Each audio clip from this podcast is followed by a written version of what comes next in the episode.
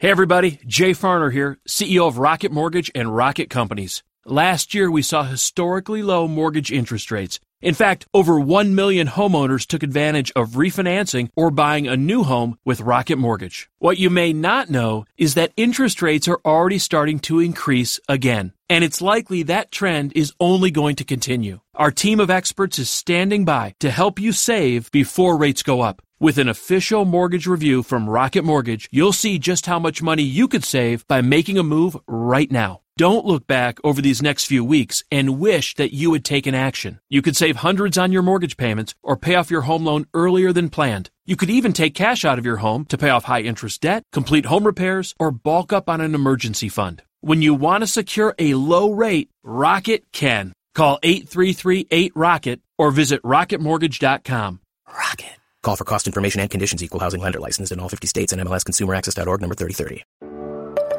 This is what matters most, and I'm Matt Popovits.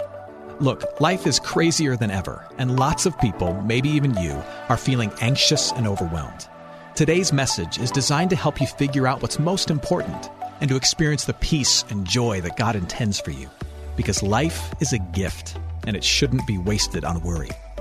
I'd like to give you a resource, something to help you navigate the road ahead. Just go to mattpopovits.com, click on the icon, and we'll send it to you. That's Matt, P-O-P-O-V-I-T-S dot com. And hey, if you happen to live in the Houston area, I'd love to see you on a Sunday morning at St. Mark in Spring Branch. Head to stmarkhouston.org to plan your visit. Here's today's message. Thanks for listening. We're concluding this series uh, called Arguing God. And uh, we're ending with what is, what is arguably the biggest of the questions that we will have addressed in this teaching series.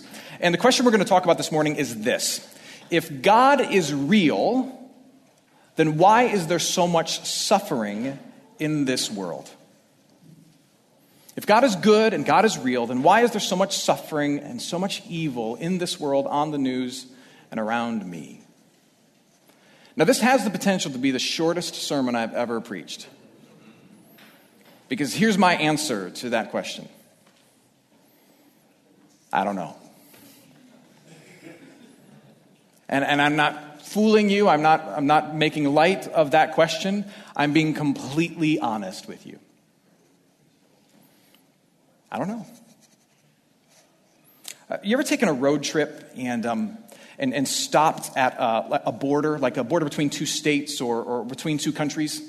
Sometimes um, when, you, when, you, when you take a road trip, they'll actually let you stop and there'll be that, that place where, where one state ends and another state begins. They'll let you get out and like put your foot in one place and then have the other foot in the other. You ever done that? This, this question of, of why is there suffering and evil if God is good is, is like one of those lines. It's a line where, where our human abilities end and the mystery of God begins.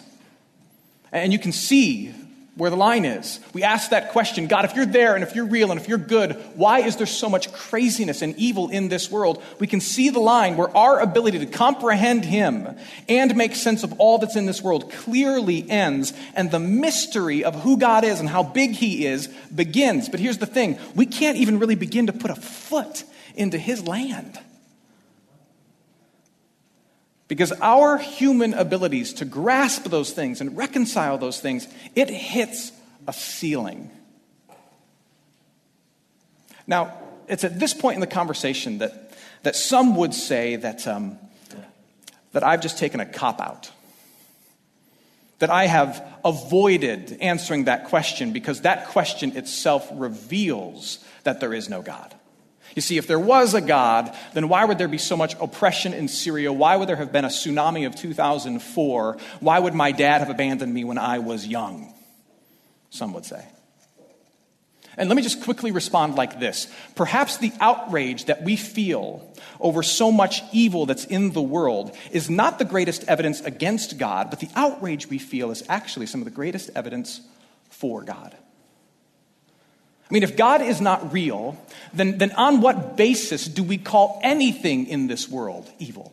The chaos of creation, like a tsunami, or the oppression of the weak by the strong, is not just a natural thing, it's a necessary thing. That's it.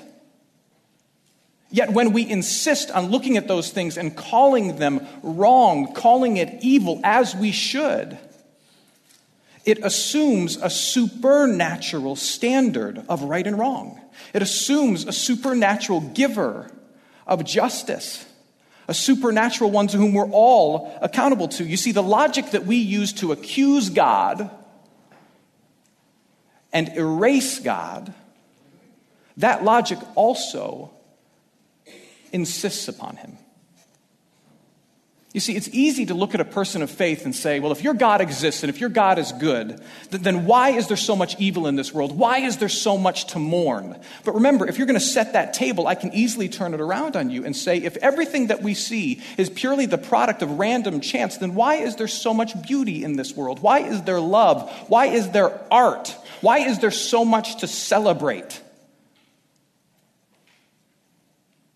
You see, I think the real question that we need answered is not the why of suffering. That may be the question we want, but it's not the question we need. Because even if you answered it to satisfaction, which you can't, it's, the reality of suffering is not going anywhere. What we really need is not the answer to the question why, but what we need to know is where to find God and how to understand God in the middle of suffering. When it's our turn and that is a question that the Christian faith is fully equipped to answer. When we see suffering and evil in our life or on the news, there are three things that, that people of faith, uh, followers of Jesus Christ, hold on to. And I just want to highlight those three things this morning. Um, I'll start in Psalm 13. Psalm 13 is a psalm or a song that was written by King David, a historical figure, um, uh, at a time of deep distress in his life. And, and he writes these words. You can follow along with me on the screen. He says this How long, O Lord, will you forget me forever? How long will you hide your face from me? And he goes on like that. And then in verse 5, he says this But, but I have trusted in your steadfast love. For David, in this moment, as he's writing this psalm, God feels incredibly absent. At best, God feels far away from him as he is enduring struggle, as he's seeing evil dance around him in his life. Uh, here's my question for you Have you ever felt as if God was far from you? He may exist, but he was not near you in that moment, in that season. For me, one of those moments was this. Um, one of the first funerals I ever officiated on my own was the funeral of my father in law. Uh, he died of cancer at the age of 47. And as a very young pastor, I barely knew how to officiate the funeral. And that was a moment for me, even as I was trying to be a representative of God. I felt great distance between myself and God. And, and, yet, what's interesting to me in this psalm is that David goes through that moment, like I've gone through that moment, and you have gone through that moment, or else you will. And David, in the middle of that, he points to this thing called the steadfast love of God. Now, now that phrase was an important phrase in ancient Israel. It's actually one word in Hebrew. The word is chesed. You kind of have to get something going in your throat in order to say it. But it's an important word in, in, in ancient Hebrew culture chesed. And it's one of those words that is so packed with meaning that it's, it's almost difficult to translate because there's a thousand different directions. It's such a loaded word. Uh, my favorite translation of that word, chesed, is not steadfast love, although that's really good. My favorite translation is this the loyal love of God. In the midst of struggle, David says, I'm trusting in the loyal love of God. Now, what does it mean when someone is loyal to you? When they're loyal to you, they stick with you, right? They're faithful to you. But here's a big part of loyalty. Um, if someone is loyal to you, what you can do is you can trust that even if they're not near you, they're still doing right by you.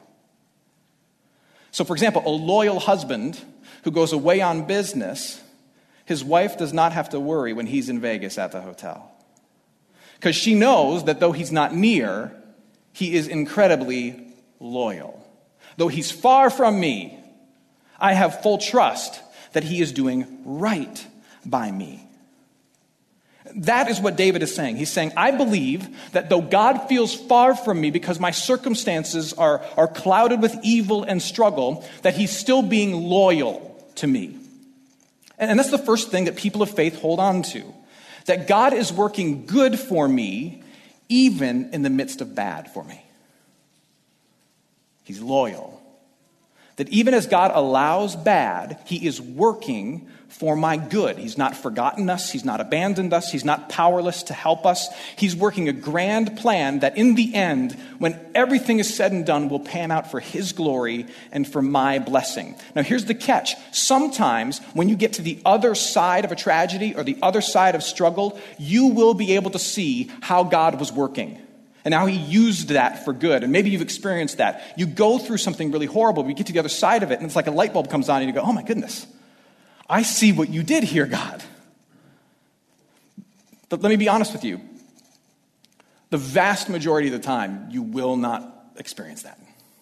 But, but, let me just say this to you just because you can't imagine a reason for why God would allow something to happen doesn't mean there isn't a reason.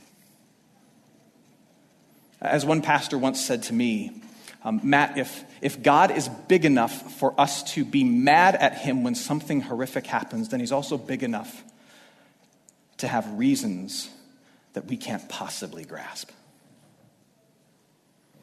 If he's big enough for me to be mad at him when I see something horrible on the news, then he's also big enough to have reasons and motivations and a grand plan that I can't possibly grasp. And I can either be mad at that and reject that or press against that, or when it's my turn to face that, I can, I can lean upon and trust in his legacy of loyal love.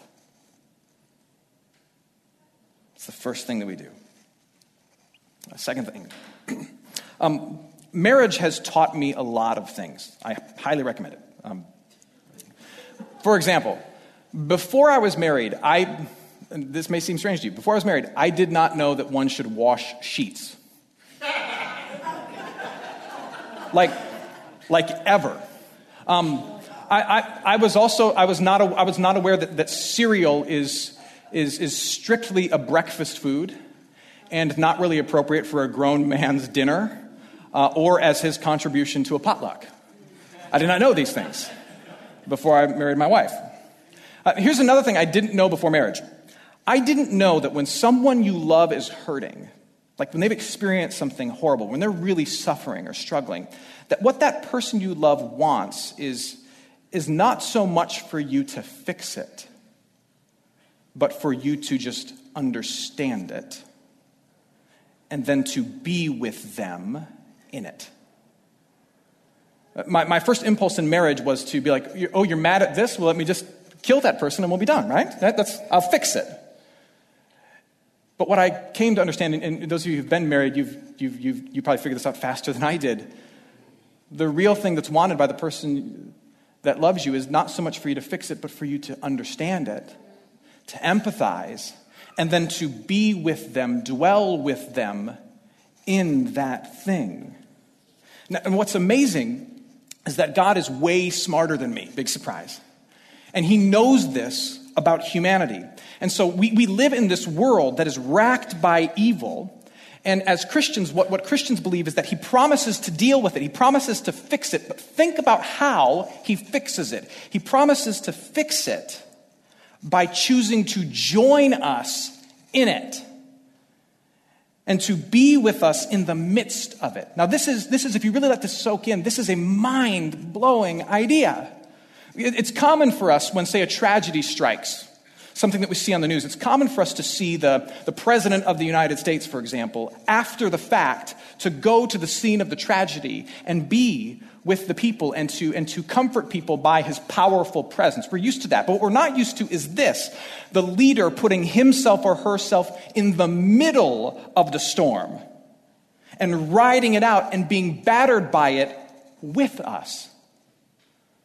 That's a different thing altogether. See, what Christian spirituality says is that God has dealt with the evil and the suffering in this world by joining us in it and enduring the full force of it. I mean, at the, at the core of Christian faith is this belief that, that God in Christ, He took on flesh and He put Himself underneath the weight the full weight of the world's evil and the world's suffering. He allowed himself to be buried under the rubble, to be overtaken by the water, to, to know what it's like to not have an earthly dad, to, to let the evil of this world abuse him, to crush him, to victimize him, to overwhelm him, to frighten him, to bring tears to his eyes, and ultimately death to his body. He let it kill him. He didn't visit the scene of the crime after the fact. He's joined us in it and felt the full force of everything that we bemoan upon himself. And by putting himself underneath the evils of this world that you experience and I experience, he's done two incredible things. First, from a theological standpoint, we believe that he has exhausted evil of its power. What Jesus did is he, he endured the full force of evil. He exhausted it of all its power. He wrung the sponge out completely. He rang the dog around the park so that he could then defeat it through his resurrection. And all that's left of the evil and suffering in this world is a tired dog that bites and growls while it sleeps, but is still nothing to be afraid of because Christ has defeated it. He put himself underneath the full weight of it, and then he rose again and showed his power over it. But more than that, because he's joined us in our history and he has endured everything that makes you scared or makes you weep, he's endured it all. It means he can empathize with us. You will suffer in this world if you haven't already. But listen to me Jesus has suffered too. And what that means is that he will never ask you to go anywhere that he himself has not gone first. He may ask you, as the song said earlier, to walk upon the water, but his feet get wet first. He will not ask anything of you that he has not first asked of himself in his life on this earth. And he promises in those low moments though he might feel far away, that he's actually with you and near you. You want to know what the last words of Jesus were before he ascended into heaven? These are his last words. Matthew 28 20, he says, Behold, I am with you always to the end of the age. Think about that for a second. When it is your turn to suffer, when it is your turn to struggle, Jesus, who has suffered and struggled, will be with you. He will be near you. And that is what, what we receive through Jesus Christ on a grand scale. Now, now, the big question is this Will it ever end? Will there, will there come a day when there are no more school shootings and there's no more talk of cancer in my family? And yes, yes, there will be. There will be an end to those things. I hope you're enjoying today's message. For more of what matters most, you can head to mattpopovits.com. There you'll find other messages. You can support this ministry as well as access your free gift. Oh, and if you're looking for a local church and you live in Houston, come and see what's happening at St. Mark Houston. To plan your visit, head to stmarkhouston.org. Thanks for listening, and back to today's message the third thing that we hold on to is this belief that God will relieve us from suffering. And, and He will not just relieve us from suffering when, it, when it's our turn to, to kind of pass away and die. What, what we believe is that when Jesus rose from the grave, when Jesus rose from the dead, that he, he ushered in a whole new world. He began to usher in a whole new kingdom uh, and this is a kingdom that will, will come into existence in fullness when Jesus returns on the last day. What Christians believe is that Jesus uh, did not just die and rise and ascend into heaven, but Jesus is coming back, and the kingdom that he initiated, that can be experienced in part, will be emerging in full at his return. It will be a new and better world, the way everything was supposed to be in the beginning, but better. Uh, Revelation 21, verse 1 describes it like this. Revelation 21 says this Then I saw a new heaven and a new earth. This is the new kingdom that Jesus brings in in fullness at his return. For the first heaven and the first earth had passed away. Here's the key phrase and the sea was no more. Now, this is a poetic vision of the future. One of the reasons it will be amazing in the new world that Jesus creates is because we will know what it was like to suffer and be in fear in this old world. And that, that is where the true defeat of evil and suffering takes place. Not just that in the new world it no longer exists, but that in the end it has been used to make our eternity even sweeter. When you go through something horrible, we can spend lots of time peering across the line into the mystery of God and asking, why? Or you can choose to take that tragedy and turn it into something that makes the present world sweeter and the future more enjoyable for somebody else. To do in a small way for somebody else what God in the end will do for all of us.